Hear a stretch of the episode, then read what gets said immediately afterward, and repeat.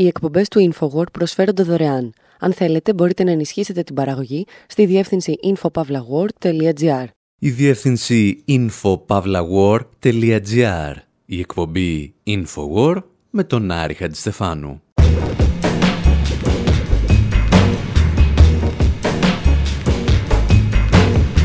Όπου σήμερα, ελαφρώς βραχνιασμένοι, ακούμε μουσικές που διάφοροι άνθρωποι χρησιμοποίησαν για να αποχαιρετήσουν τους βασιλιάδες τους. Υποστηρίζουμε ότι ο θάνατος ενός μονάρχη είτε είναι εν ενεργεία είτε είναι έκπτωτος πρέπει να είναι ημέρα χαράς σε θεσμικό επίπεδο για κάθε δημοκρατικό πολίτη. Και σε όσους μας λένε ότι δεν έχουμε αστική ευγένεια απαντάμε Είστε σίγουροι ότι θα θέλατε να κάνουμε στους βασιλιάδες όσα τους έκαναν οι αστεί όταν ήρθαν στα πράγματα; Ακούμε ένα σύνθημα από κάποιο γήπεδο στη Μεγάλη Βρετανία όταν πέθανε η Βασίλισσα Ελισάβετ και αναρωτιόμαστε πώς γίνεται η ίδια μουσική να υπάρχει στον θεία σου του Αγγελόπουλου, στο Muppet Show, σε κάτι αντιβρετανικούς ύμνους Ιρλανδών και να την σιγομουρμούριζαν κάτι συνδικαλιστές στις Ηνωμένες Πολιτείες και ορισμένοι μαύροι σκλάβοι στις φοιτίες. Και ύστερα αλλάζουμε θέμα. Υποστηρίζουμε ότι η προσπάθεια φασιστικής ανατροπής του Πρόεδρου Λούλα στη Βραζιλία δεν αποτελεί την αυθόρμητη αντίδραση κάποιων θερμοκέφαλων, αλλά τον απόϊχο ενός δικαστικού πραξικοπήματος που θα μπορούσε εύκολα να πραγματοποιηθεί και στην Ελλάδα. Και όλα αυτά τα κάνουμε βλέποντας μια σειρά στο Netflix.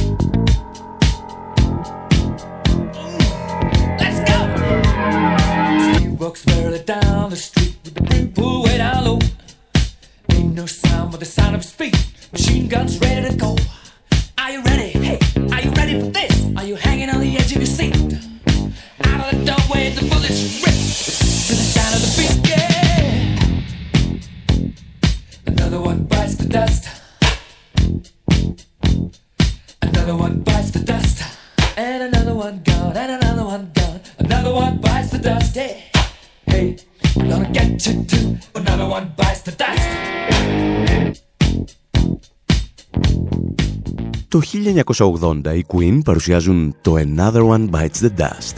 Σε ελεύθερη απόδοση, άλλος ένας την έκανε για τόπο χλωερό. Το τραγούδι το είχε γράψει ο μπασίστας του συγκροτήματος, ο Τζον Ντίκον, και αυτό έχει μεγάλη σημασία. Το 2016, έρευνα που πραγματοποιήθηκε στη Μεγάλη Βρετανία έδειξε ότι το συγκεκριμένο τραγούδι μπορεί να χρησιμοποιηθεί για την εκπαίδευση νοσηλευτικού προσωπικού στην καρδιαναπνευστική ανάνυψη, το γνωστό μας CPR.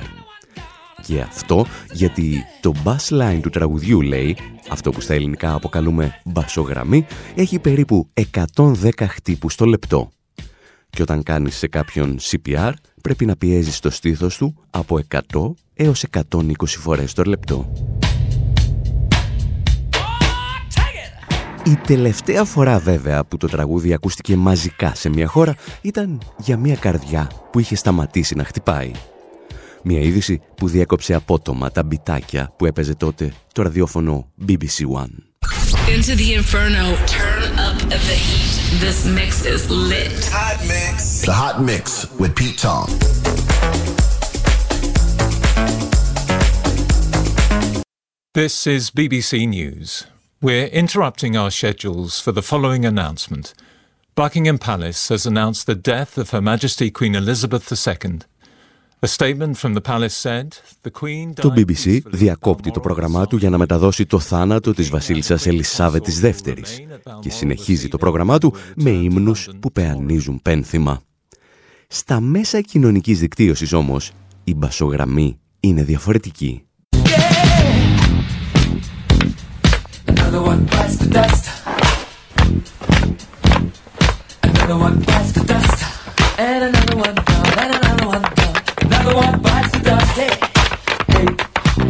Μέσα σε λίγες ώρες γίνεται viral ένα βίντεο που δείχνει ένα Ιρλανδικό boy band να χορεύει κλακέτες μπροστά στο Buckingham υπό τους ήχους του Another One Bites the Dust, τον Queen. Οι σημειολογικοί συνειρμοί δηλαδή κατακλείζουν το Ενωμένο Βασίλειο και την κοινοπολιτεία. Το βίντεο βέβαια ήταν παλαιότερο και το συγκρότημα δεν ήθελε σε καμία περίπτωση να θίξει την νεκρή βασίλισσα. Το γεγονός όμως ότι έγινε viral έστελνε ένα σαφές πολιτικό μήνυμα. Και τα πράγματα θα γίνονταν πολύ χειρότερα μερικές ημέρες αργότερα.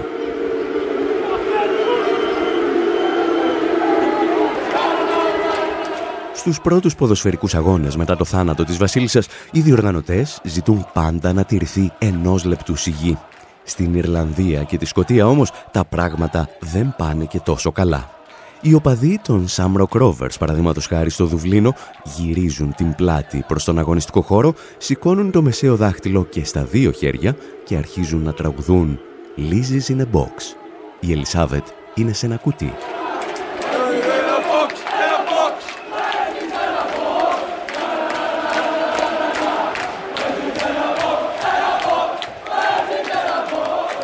Το σκηνικό θα επαναληφθεί σε αρκετούς ακόμη αγώνες και όχι μόνο ποδοσφαίρου. Και αν προσπαθείτε να θυμηθείτε ποιος είναι αυτός ο πιασάρικος ρυθμός, προέρχεται από το Give It Up που τραγουδούσαν κάποτε οι KC and the Sunshine Band.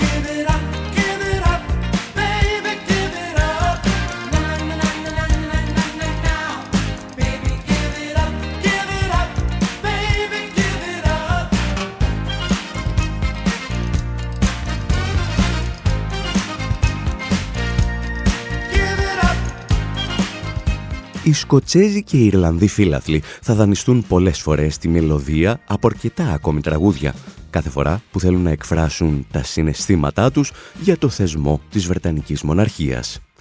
Και ορισμένες φορές αυτός ο ρυθμός είναι απρόσμενα οικείος. Όπως εδώ που τραγουδούν «Αν μισείς τη βασιλική οικογένεια, χτύπα τα δυο σου χέρια».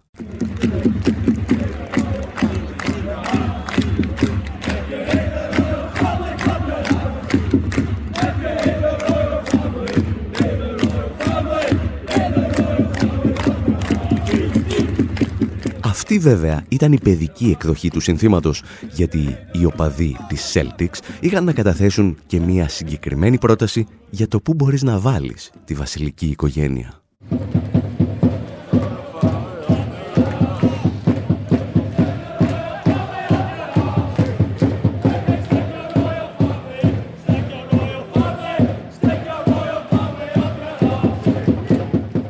Για την ιστορία, ούτε η Celtics είναι μια τυχαία ομάδα, ούτε ο ρυθμός που χρησιμοποιούν. Η ομάδα δημιουργήθηκε το 1887 στη Γλασκόβη με στόχο να βοηθήσει τον πληθυσμό των Ιρλανδών μεταναστών που ζούσαν στα ανατολικά της πόλης σε συνθήκες απόλυτης εξαθλίωσης. Στη δε Βόρεια Ιρλανδία χρησιμοποιούσαν τον ίδιο σκοπό για να εκφράσουν το μίσος τους για τα Βρετανικά στρατεύματα κατοχής. Αν μισείς τον Βρετανικό στρατό, χτύπα τα δυο σου χέρια.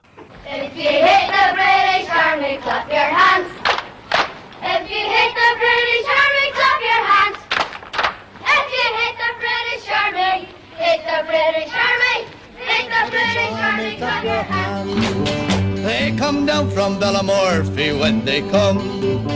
They come down from Bellamorphy when they come. Sure, the children won the day when they all ran away. They were only little children, everyone.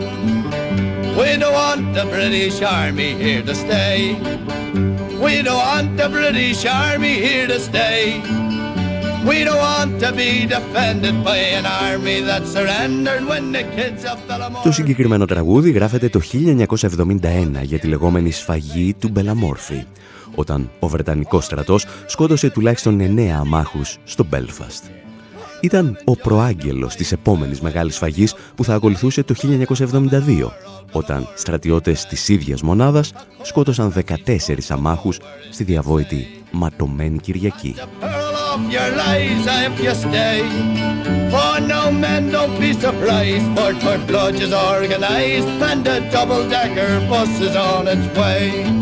The British Army, they will never be the same. Για τα θύματα της Βρετανικής Αυτοκρατορίας, η Βασίλισσα και ο εκάστοτε μονάρχης στο Λονδίνο αποτελούσαν την προσωποποίηση ενός αιμοσταγούς καθεστώτος, το οποίο δεν δίσταζε να πολυβολεί ακόμη και παιδιά για να εδραιώσει την κυριαρχία του. Τα αντιμοναρχικά συνθήματα δηλαδή εξέφραζαν και αντιυμπεριαλιστικά συναισθήματα, όπως ακριβώς συνέβαινε και στην Ελλάδα με το βασιλιά και τους Άγγλους και αργότερα τους Αμερικάνους. Καθόλου συμπτωματικά μάλιστα υπήρχε ένα αντιμοναρχικό τραγουδάκι στην Ελλάδα που δανείστηκε το ρυθμό από τραγούδια που άκουγαν οι Βρετανοί στρατιώτες. Θα το θυμάστε σίγουρα από τον θείασο του Θεόδωρου Αγγελόπουλου. Έτσι θέλουμε και θα τον φέρουμε το βασιλιά, το βασιλιά που θα μας φέρει ελευθερία. Έτσι θέλουμε και θα τον φέρουμε βασιλιά, το βασιλιά που θα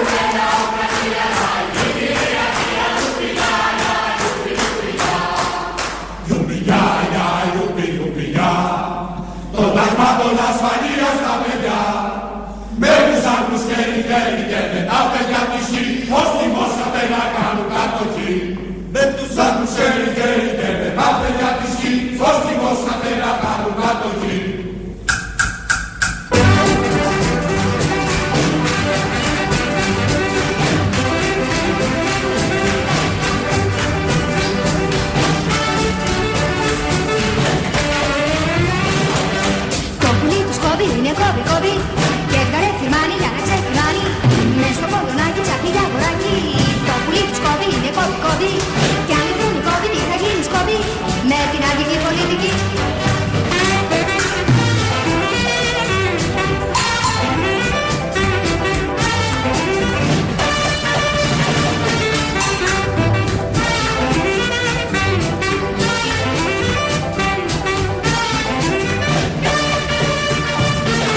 Στρατηγένεις κόβι θα έχουν κι άλλοι κόβι Κι αν με χίλια κόρπα μάζεψες τα όπλα φασισμό που σωεί Θα σηκώσει πάλι πάνω το κεφάλι Απ' την αγροτική πολιτική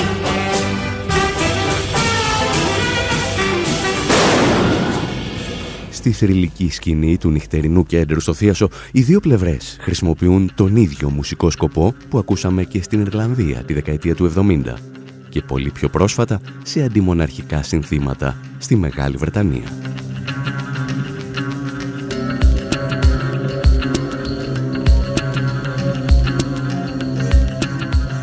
Κάπου εδώ όμως εμείς αφήνουμε για λίγο τους βασιλιάδες για να ακολουθήσουμε την ιστορία του μουσικού σκοπού που μόλις ακούσαμε. Και παραδόξως και αυτό το ταξίδι μας φέρνει σε μάχες που δόθηκαν απέναντι σε άλλα απολυταρχικά καθεστώτα. Ξεναγός μας εδώ ο Νιλ Γιάνγκ.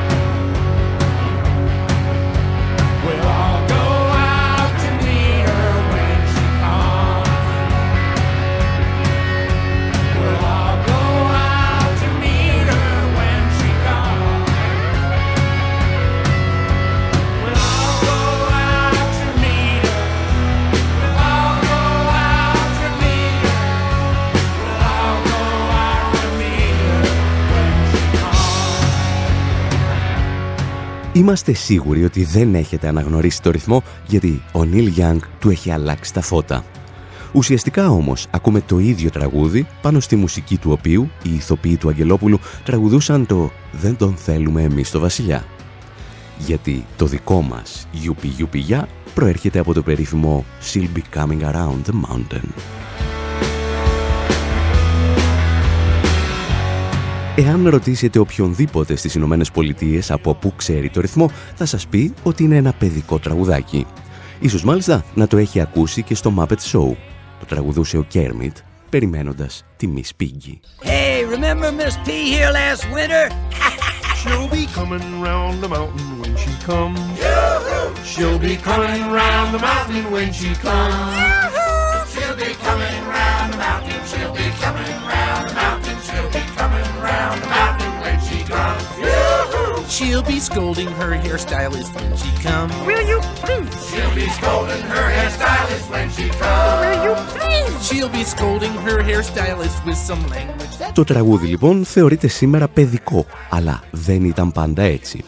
Εδώ, παραδείγματο χάρη, είναι η παλαιότερη ηχογράφηση που μπορέσαμε να εντοπίσουμε από το 1924 με τον Mountain Henry Whiter.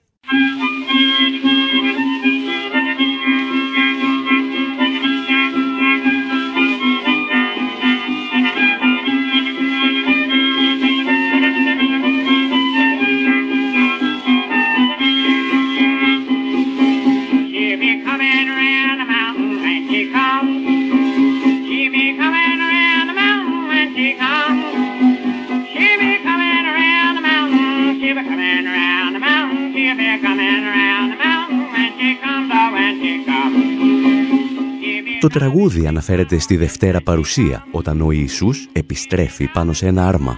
Η ιστορία του όμως είναι πολύ πιο σύνθετη.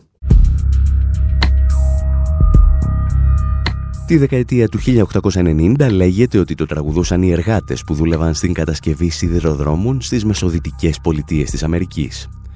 Λέγεται μάλιστα ότι λίγα χρόνια αργότερα το τραγουδούσαν και εργάτες σε όλη τη χώρα όταν υποδέχονταν την περίφημη Mother Jones, τη μητέρα του Αμερικανικού συνδικαλισμού.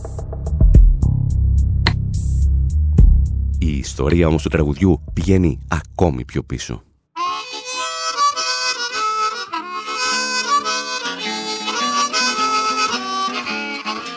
Το She'll Be Coming Round the Mountain δημιουργήθηκε πριν από το 1890 από μαύρους σκλάβους στις φυτίες του Αμερικανικού Νότου. Τότε ονομαζόταν When the Chariot Comes και αναφερόταν στο ίδιο άρμα που θα έφερνε τον Ιησού στη Δευτέρα Παρουσία.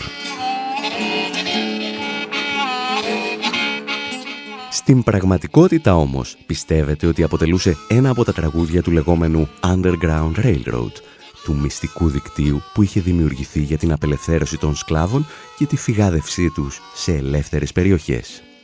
Περίπου δηλαδή ό,τι κάνουν σήμερα οι ομάδες που διασώζουν πρόσφυγες από τις δολοφονικές προθέσεις των κυβερνήσεων και το μίσος των εθνικιστών.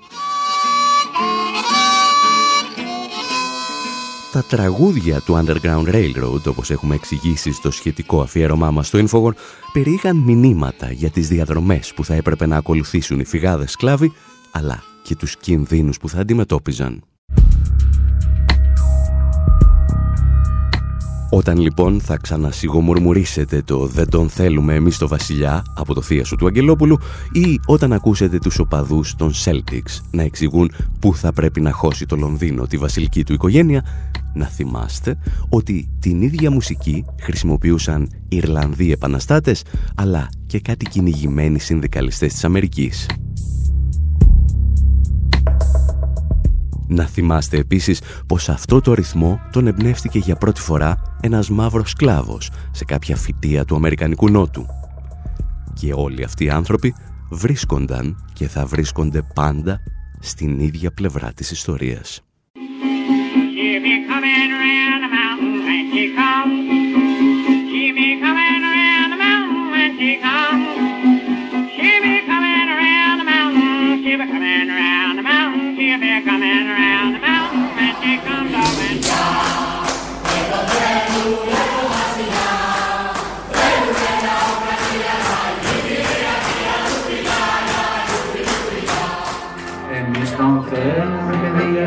Βασιλιά. Εμείς τον θέλουμε παιδιά τον βασιλιά. Να τον πάμε στο μπακεράκι να πουλάει ριζοσπάστη κι ό,τι άλλο διατάξει ο Ελλάς να τον πάμε στο μπακεράκι να πουλάμε ριζοσπάστη κι ό,τι άλλο διατάξει ο Ελλάς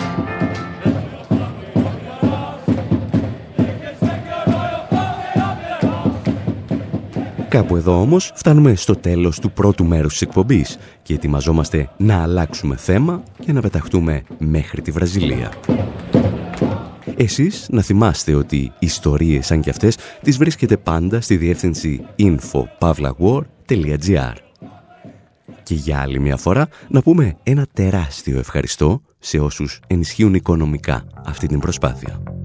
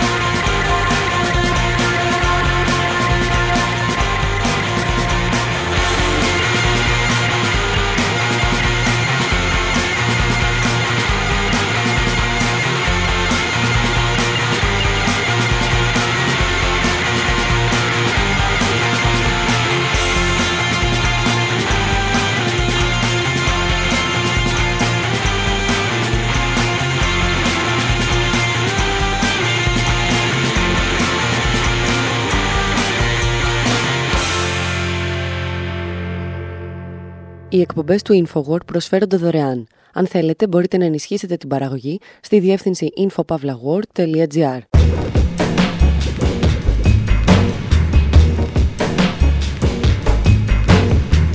Εκπομπή InfoWord, μέρος δεύτερο. Όπου βάζουμε να δούμε μια βραζιλιάνικη τηλεσυρά με την ελπίδα να καταλάβουμε λίγο καλύτερα τις φασιστικές επιθέσεις που πραγματοποιήθηκαν τις προηγούμενες ημέρες από οπαδούς του Μπολσονάρο εναντίον του Προέδρου Λούλα. Υποστηρίζουμε ότι πριν κάνει την εμφάνισή του ο φασισμός στη Βραζιλία είχε πραγματοποιηθεί ένα φιλελεύθερο δικαστικό πραξικόπημα. Θυμόμαστε επίσης πως όταν ο φασίστας Μπολσονάρο ανέλαβε τελικά την εξουσία, ορισμένες από τις μεγαλύτερες πολυεθνικές του πλανήτη, από τη Γερμανία μέχρι τον Καναδά, άνοιγαν σαμπάνιες, αντί να καταδικάσουν το αυταρχικό καθεστώς. Πρώτα όμως, πάρτε το τηλεκοντρόλ και λίγο popcorn, γιατί βάζουμε ταινία.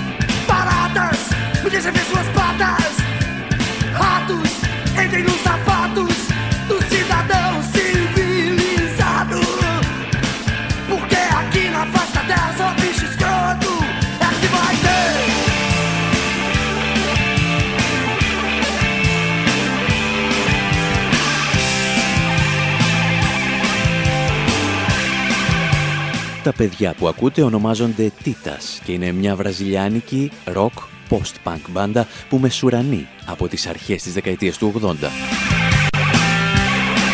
Τότε έγραψαν και το συγκεκριμένο κομμάτι, το Μπίτσος Εσκρότος, το οποίο όμως δεν κατάφερε να περάσει τις απαγορεύσεις της βραζιλιάνικης χούντας και κυκλοφόρησε αρκετά χρόνια αργότερα. Η μετάδοση του τραγουδιού απαγορευόταν στα ραδιόφωνα ακόμη και μετά την πτώση της δικτατορίας. Οι σταθμοί όμως λάμβαναν τόσα αιτήματα από ακροατές, ώστε προτιμούσαν να το μεταδίδουν και στη συνέχεια να πληρώνουν το σχετικό πρόστιμο στο Ραδιοτηλεοπτικό Συμβούλιο της Βραζιλίας. Ο τίτλος του τραγουδιού παραπέμπει στα ανδρικά γεννητικά όργανα και οι στίχοι καλούν τους κοριούς, τις κατσαρίδες και τα ποντίκια να βγουν από τις τρύπες τους και να μπουν στα παπούτσια μας και στα ρούχα μας. Εμάς πάλι, ο λόγος για τον οποίο μας ενδιαφέρει το συγκεκριμένο τραγούδι είναι ότι χρησιμοποιείται σαν soundtrack στη νέα τηλεσυρά του Netflix με τίτλο «Ο Μεκανίσμο» από τον διάσημο βραζιλιάνο σκηνοθέτη Χωσέ Παντήλα και την συγγραφέα Έλενα Σοάρες.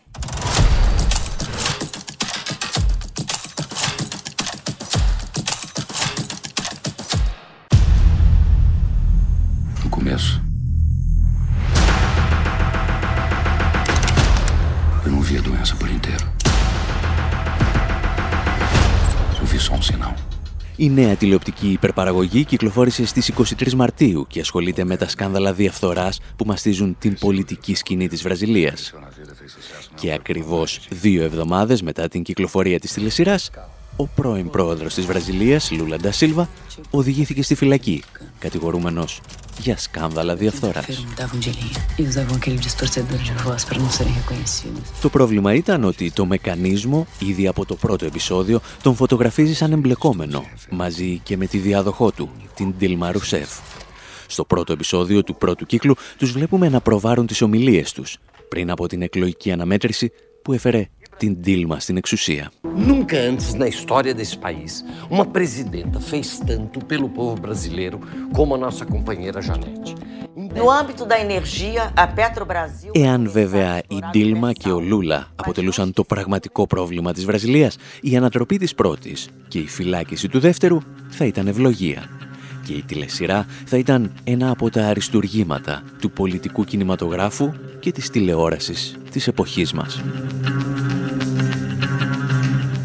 Κάποιοι όμως χαρακτηρίζουν τις διώξεις των δύο πολιτικών σαν ένα πραξικόπημα που στόχο είχε να ανατρέψει δύο λαϊκιστές πλην προοδευτικούς προέδρους.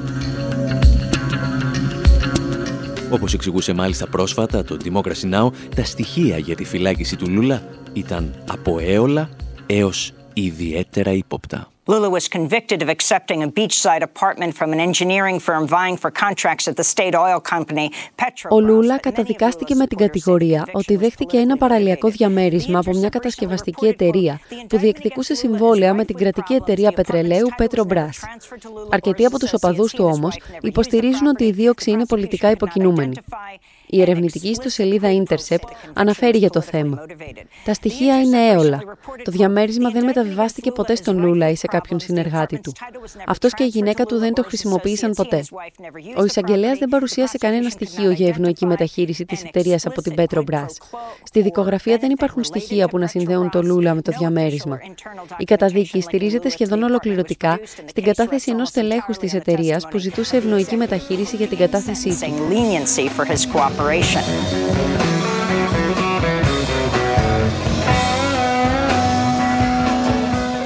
Στην εκπομπή Infowar με τον Άρη Χατζηστεφάνου συζητάμε για τα έργα και τις τηλεοπτικές ημέρες του Χωσέ Παντήλα, του δημιουργού εξαιρετικών ταινιών και τηλεσυρών όπως το Τρόπαντε Elite και το Νάρκος. Τώρα όμως έχουμε φτάσει στην τελευταία του δημιουργία, το Μεκανίσμο. Μια σειρά που δίνει το στίγμα της από τα πρώτα κιόλας δευτερόλεπτα. No Brasil, Στη Βραζιλία πιστεύουν ότι το να είσαι μπάτσος σημαίνει ότι εισβάλλεις σε φαβέλες και πυροβολείς εμπόρου ναρκωτικών. Αυτός δεν είναι μπάτσος. Αυτός είναι ένα ηλίθιο μπάτσος. Δεν είναι η βία στι φαβέλες που πηδάει τη χώρα μας. Δεν φταίει η έλλειψη εκπαίδευσης και το διαλυμένο σύστημα υγείας. Φταίει το δημόσιο έλλειμμα και τα επιτόκια. Όλα αυτά είναι το αποτέλεσμα και όχι αιτία. Υπηρετώ εδώ και 20 χρόνια την Ομοσπονδιακή Αστυνομία. Δεν ήμουν ποτέ διεφθαρμένος. Δεν έχω εισβάλει ούτε σε μια φαβέλα. Ποτέ δεν με αποκάλεσαν ήρωα. Ξέρετε όμως τι ανακάλυψα. Βρήκα αυτό που πηδάει τις ζωές του λαού της Βραζιλίας. Eu descobri o que fode com a vida de todos os brasileiros. Για να μην σας κρατάμε σε αγωνία, αυτό που πηδάει τις ζωές του λαού της Βραζιλίας είναι, λέει, η διαφθορά των πολιτικών της. Και όταν ο Παντήλα αναφέρεται σε πολιτικούς, έχει ως επιτοπλίστων στο μυαλό του το κόμμα των εργαζομένων, του Λούλα και της Ντίλμα. Τα εξηγεί άλλωστε η συμπροταγωνίστρια. Μας μιλά τις ημέρες των εκλογών που θα φέρουν την Ντίλμα στην εξουσία. Dez anos depois, e Brasília estava em festa.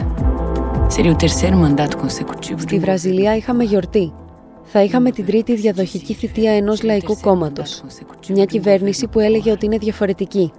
Εμένα όμως δεν με ξεγελούσαν. Αυτή η κυβέρνηση ήταν σαν όλες τις άλλες. Eles nunca me enganaram. Pra mim, aquele governo era igualzinho aos anteriores. Ο Παντήλα έχει απόλυτο δίκιο όταν επισημαίνει ότι η διαφθορά είναι κυρίαρχη σε όλα τα κόμματα εξουσίας στη Βραζιλία. Ο ίδιος μάλιστα εξηγούσε πρόσφατα πώς αποφάσισε να δημιουργήσει τη νέα του τηλεοπτική παραγωγή και να της δώσει το όνομα Μεκανίσμο. You know, I also write in a newspaper, and I, wri- I was writing a series of articles about uh, the corruption scandal that originated the series. Όπως γνωρίζετε, γράφω σε μια εφημερίδα και ετοίμαζα μια σειρά κειμένων για το σκάνδαλο στο οποίο στερήχθηκε η σειρά. Σε ένα από τα κείμενα χρησιμοποίησα τον όρο Ο Μηχανισμό για να περιγράψω τη διαδικασία που ακολουθούν οι διαφθαρμένοι πολιτικοί. Τι είναι λοιπόν ο μηχανισμός; Είναι απλό. Οι προεκλογικές εκστρατείες χρηματοδοτούνται από τις μεγάλες επιχειρήσεις που προσφέρουν υπηρεσίες στο κράτος. Μεταξύ αυτών και κατασκευαστικές εταιρείες με τζίρο δισεκατομμυρίων. Όταν λοιπόν οι πολιτικοί εκλέγονται, τοποθετούν ανθρώπους σε θέσεις κλειδιά όπου ελέγχουν τον κρατικό προπολογισμό. Στη συνέχεια προσλαμβάνουν εταιρείες που χρηματοδότησαν την εκστρατεία τους και τους δίνουν περισσότερα χρήματα για τις υπηρεσίες που προσφέρουν. Οι εταιρείες αποκτούν υπερκέρδη με τα οποία τροφοδοτούν και πάλι τη διαφθορά. Τα ξεπλένουν και τα προσφέρουν και πάλι στους διεφθαρμένους πολιτικούς. Αυτό γίνεται σε κάθε πόλη και κάθε περιφέρεια και αφορά την εκτελεστική και την νομοθετική εξουσία. Έτσι έχει οργανωθεί η πολιτική στη Βραζιλία και έχω την αίσθηση ότι έτσι έχει οργανωθεί σε όλη τη Λατινική Αμερική. I have the feeling that it's how politics is organized in all of Latin America. Προφανώς δεν είμαστε εμείς αυτοί που θα υποστηρίξουμε ότι το κόμμα των εργαζομένων του Λούλα και της Δίλμα δεν είναι διεφθαρμένο. Θα ήταν σαν να προσπαθούμε να γεμίσουμε ένα σούρο τύρι με νερό. Το πρόβλημα στη σκέψη του Παντήλα είναι ότι δεν θέλει να δει πως με πρόσχημα τη διαφθορά κάποιοι προσπαθούν να εξηγήσουν τα δομικά προβλήματα της οικονομίας της Βραζιλίας ενώ παράλληλα πραγματοποιούν ένα διαρκές πραξικόπημα. Και γιατί το κάνει αυτό; Είτε γιατί είναι πολιτικά αφελής, είτε γιατί είναι φιλελεύθερος. Αν και ορισμένοι κακεντρεχείς θα υποστηρίξουν ότι τα δύο αυτά χαρακτηριστικά είναι συνήθως αλληλένδετα. Οι ήρωες του Παντήλα πάντως ακούγονται αφελώς φιλελεύθεροι ή φιλελεύθερα αφελείς. Se o Brasil fosse um país sério e as pessoas que trabalham com afinco fossem respeitadas, Αν η Βραζιλία ήταν σοβαρή χώρα και υπήρχε σεβασμός για αυτούς που δουλεύουν σκληρά, αν υπήρχε θεία δίκη και το καλό μπορούσε να νικήσει το κακό, αλλά δεν υπάρχει δικαιοσύνη στη Βραζιλία. Ο Θεός δεν υπάρχει και δεν είναι Βραζιλιάνος. Deus não existe e não é brasileiro. Το πρόβλημα του Παντήλα λοιπόν είναι ότι δεν βρίσκονται σε θέσεις εξουσίας οι άριστοι. Η καταστροφή που έφερε στη χώρα το Διεθνές Νομισματικό Ταμείο, ο ρόλος ξένων πολυεθνικών, αλλά και της οικονομικής ελίτ της Βραζιλίας, περνούν σε δεύτερο πλάνο. Και έτσι, ο δημιουργός είναι πλέον έτοιμος να δικαιολογήσει και ένα πραξικόπημα. Γιατί, όπως εξηγούσε παλαιότερα και ο Νόαμ Τσόμσκι, το κόμμα των εργαζομένων δεν ήταν σε καμία περίπτωση αδιάφθορο, αλλά η ανατροπή της Ντίλμα Ρουσέφ ήταν ένα είδος πραξικοπήματος. Uh, first of all, there has been a massive level of corruption Καταρχήν υπήρχε εκτεταμένη διαφθορά από το Εργατικό Κόμμα, το κόμμα του Λούλα. Είχαν την ευκαιρία να πετύχουν κάτι εξαιρετικό και αναμφίβολα έκαναν πολλά θετικά βήματα, αλλά τελικά συμμετείχαν και αυτοί στη ληστεία μαζί με την υπόλοιπη οικονομική ελίτ. Από την άλλη, δεν μπορούμε να μην αναγνωρίσουμε ότι πρόκειται για ένα μετροπαθές πραξικόπημα. Οι ελίτ συχαίνονται το Εργατικό Κόμμα και άδραξαν την ευκαιρία για να το απομακρύνουν από την εξουσία. Δεν περίμεναν τις εκλογές, τις οποίες γνωρίζουν ότι θα χάσουν, αλλά εκμεταλλεύονται την οικονομική κρίση και τη διαφθορά που αποκαλύφθηκε. Economic recession, which is serious, and the massive corruption that's been exposed. Το πρόβλημα στη Βραζιλία δεν ήταν απλώς ότι κάποιοι που αυτό αποκαλούνταν άριστοι ανέτρεψαν μια δημοκρατικά εκλεγμένη πρόεδρο. Το πρόβλημα ήταν ότι οι λεγόμενοι άριστοι ήταν όπως συνήθως τα μεγαλύτερα λαμόγια που είχε γνωρίσει η χώρα. Τα εξηγούσε πριν από μερικά χρόνια στο Real News Network ο Μπολβεντούρα Ντεσούτα Σάντος, καθηγητής οικονομικών από την Πορτογαλία. Το μόνο που χρειαζόταν για την ανάλυση του ήταν να παρατηρήσει το Υπουργικό Συμβούλιο που τοποθετήθηκε μετά την ανατροπή της Δίλμα. Well, it would be a comedy if it were not tragic because they are all of them are male, all of them are white. Uh, most of them, which is Θα ήταν κωμικό αν δεν ήταν τραγικό. Όλοι οι υπουργοί είναι λευκοί άντρες και οι περισσότεροι κατηγορούνται για σκάνδαλα διαφθοράς. Να σας δώσω μερικά παραδείγματα. Ο Υπουργός Γεωργίας είναι ο μεγαλύτερος γεωκτήμονα της χώρας με τεράστιες εκτάσεις καλλιέργειας σόγιας.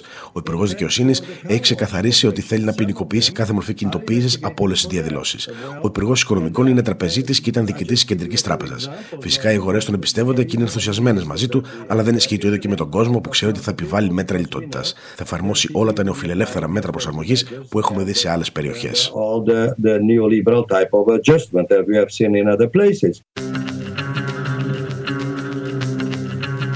Πριν λοιπόν από την άνοδο του φασίστα Μπολσονάρο στην εξουσία, οι φιλελεύθερες ελίτ είχαν ξεκινήσει πόλεμο με αυτό που οι ίδιες αποκαλούσαν λαϊκισμό και διαφθορά. Και ενώ η διαφθορά ήταν αδιαμφισβήτητη, οι δικαστές που ανέλαβαν την βραζιλιάνικη εκδοχή της επιχείρησης Καθαρά Χέρια είχαν μία τάση να την αναζητούν μόνο στην αριστερά και όχι στη δεξιά.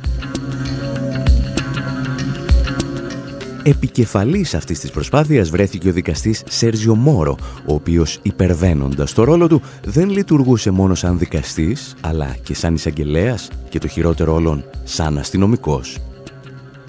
Το δικαστικό πραξικόπημα τελικά ολοκληρώθηκε με τη φυλάκιση του Λούλα και έτσι άνοιξε ο δρόμος για την εκλογή του φασίστα Μπολσονάρο. Και ως εκθαύματος, ο νέος πρόεδρος τοποθέτησε τον αγαπημένο του δικαστή στη θέση του Υπουργού Δικαιοσύνης. Κάτι σαν να δούμε τον Ισίδωρο Ντογιάκο σε εκλέξιμη θέση στο επικρατείας της Νέας Δημοκρατίας.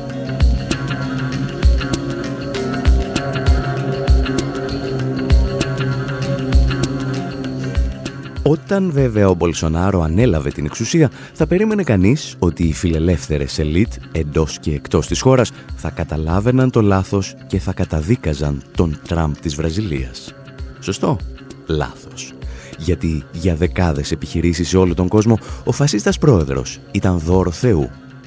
Ιστορίες που διηγούμασταν και τότε με τραγούδια σαν κι αυτό.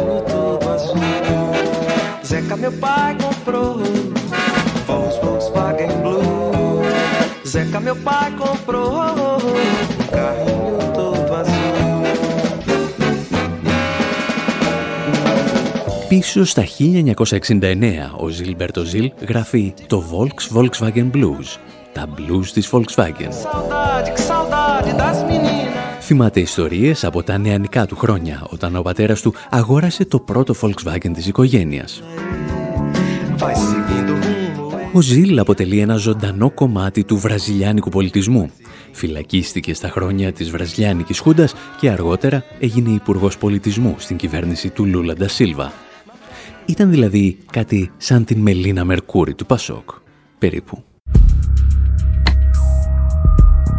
Και η Volkswagen όμως, για την οποία τραγουδούσε ο Ζιλ, είναι με το δικό της τρόπο ένα κομμάτι της βραζιλιάνικης ιστορίας. Και ένα ανώτατο στέλεχος της εταιρείας, ο Ανδρέας Ρένσλερ, έκατσε την περασμένη εβδομάδα και έγραψε ένα κείμενο για την Βραζιλία, το οποίο δημοσιεύθηκε στην Frankfurter Allgemeine. Στο κείμενο που είχε τον τίτλο «Όχι άλλα πειράματα στη Βραζιλία», ο Ρένσλερ μιλάει με θαυμασμό για τις νέες προοπτικές συνεργασίας που ανοίγονται μεταξύ της Γερμανίας και της Βραζιλίας τώρα που εξελέγει πρόεδρος ο φασίστας Ζαΐρ Μπολσονάρο. Το φασίστας δεν το λέει αυτός, το λέμε εμείς. Οι κυβερνήσεις, έγραψε το ανώτατο στέλεχος της Volkswagen, δεν κρίνονται από τα λόγια, αλλά από τις πράξεις τους και γι' αυτό, συνέχισε, έχουμε πολλούς λόγους να αισθανόμαστε ασφαλείς. Οι πράξεις στις οποίες αναφέρεται ο Ρέντσλερ είναι το νεοφιλελεύθερο πρόγραμμα που θα εφαρμόσει ο νέος πρόεδρος της Βραζιλίας και για να το επιτύχει θα χρησιμοποιήσει ορισμένους από τους οικονομικούς συμβούλους του δικτάτορα Πινοσέτ όπως τον Πάολο Γκουέντες από τη διαβόητη σχολή του Σικάγο. Αυτές είναι λοιπόν οι πράξεις γιατί τα λόγια στα οποία σύμφωνα με το στέλεχος της Volkswagen δεν πρέπει να δίνουμε και τόση σημασία είναι όσα λέει τα τελευταία χρόνια ο φασίστας πρόεδρος της Βραζιλίας. Δηλώσεις τις οποίες είχε αναλάβει να συγκεντρώσει το Russia Today. Bolsonaro, a congressman, is known for far-right views and throughout his career as a public official has worked to oppose Ο Μπολσονάρο είναι γνωστός για τις ακροδεξιές του απόψεις. Κατά τη διάρκεια της καριέρας του ως δημόσιος λειτουργός, έχει ταχθεί ενάντια στην ομιμοποίηση των ναρκωτικών, τις εκτρώσεις, το διαχωρισμό κράτους εκκλησίας και το γάμο ομοφιλόφιλων. Έχει επανειλημμένα επενέσει τη στρατιωτική δικτατορία της Βραζιλίας που κυβερνούσε τη χώρα μέχρι το 1985. Το 2008 δήλωσε ότι το λάθος της Χούντας ήταν ότι βασάνιζε, αλλά δεν σκότωνε. Ο Μπολσονάρο θα ήθελε ακόμα και να επαναφέρει τη δικτατορία, καθώς, όπως είχε δηλώσει σε μια τηλεοπτική συνέντευξη τη δεκαετία του 90, αν γινόταν πρόεδρος θα ξεκινούσε το πραξικόπημα από την πρώτη κιόλας μέρα. Επίσης έλεγε ότι το Κογκρέσο σήμερα δεν ωφελεί σε τίποτα, γιατί μόνο ψηφίζει υπέρ των έργων του Προέδρου. Αν αυτός είναι το πρόσωπο που παίρνει αποφάσεις, τότε ξεκινήστε άμεσα το πραξικόπημα και ας έχουμε δικτατορία. who laughs at the Congress, then start the coup at once and let's make this a dictatorship. Για να είμαστε δίκαιοι, η Volkswagen και τα στελέχη της δεν είναι οι μόνοι που άρχισαν να πανηγυρίζουν όταν πληροφορήθηκαν την εκλογή ενός φασίστα στην ηγεσία της πέμπτης μεγαλύτερης οικονομίας του πλανήτη. Η Deutsche Bank εν μέσω της προεκλογικής περίοδου χαρακτήρισε τον Μπολσονάρο εκλεκτό των αγορών. Και ποιος χρηματοδοτούσε τον εκλεκτό; Μεταξύ άλλων και ο Αμπίλιο Ντινής, ο δεύτερος βασικότερος μέτοχος των γαλλικών σούπερ μάρκετ Carrefour. Την ίδια ώρα, η καναδική δημόσια τηλεόραση μιλούσε για τον ενθουσιασμό που επικρατεί μεταξύ των καναδικών εταιριών εξορίξεων. Γιατί, φυσικά, ο Μπολσονάρο τους έχει υποσχεθεί να ψαλιδίσει την νομοθεσία για την προστασία του Αμαζονίου, του μεγαλύτερου πνεύμονα του πλανήτη. Όλα αυτά όμως θα μπορούσαν να χαρακτηριστούν και έρωτες της μίας ημέρας ή one night stands. Στην περίπτωση της Volkswagen όμως έχουμε έναν έρωτα που παραμένει άσβεστος από τα μέσα της δεκαετίας του 50. Και ορισμένα στοιχεία αυτού του έρωτα ήρθαν στο φως της δημοσιότητας πριν από περίπου ένα χρόνο, χάρη σε μια ένορκη διοικητική έρευνα που είχε διατάξει η ανατραπήσα πρόεδρος Ντίλμα Ρούσεφ. Volkswagen AG spied on Brazilian union activists in the 1980s. Τη δεκαετία του 80, η Volkswagen παρακολουθούσε συνδικαλιστές στη Βραζιλία και μετέφερε στη στρατιωτική δικτατορία ευαίσθητες πληροφορίες σχετικά με τις μισθολογικές τους απαιτήσεις και άλλες ιδιωτικές συζητήσεις, όπως αποκαλύπτει το Reuters, επικαλούμενο σχετικά έγγραφα. Η εταιρεία παρακολουθούσε κρυφά τους δικούς της εργαζόμενους, αλλά και γνωστούς συνδικαλιστές της εποχής. Ένας από τους στόχους της Volkswagen ήταν ο Λουίς Ινάσιο Λούλα Ντασίλβα, ο μετέπειτα πρόεδρος της Βραζιλίας από το 2003 ως το 2010, που παραμένει ακόμα και σήμερα ένας από τους πολιτικούς με τη μεγαλύτερη επιρροή. Τα έγγραφα ανακαλύφθηκαν πρόσφατα στα αρχεία της κυβέρνησης από ειδική επιτροπή που συστάθηκε από την πρόεδρο Ντίλμα Ρούσεφ και η οποία ερευνά τα περιστατικά κατάχρησης εξουσίας από το καθεστώς στο διάστημα 1964-1985.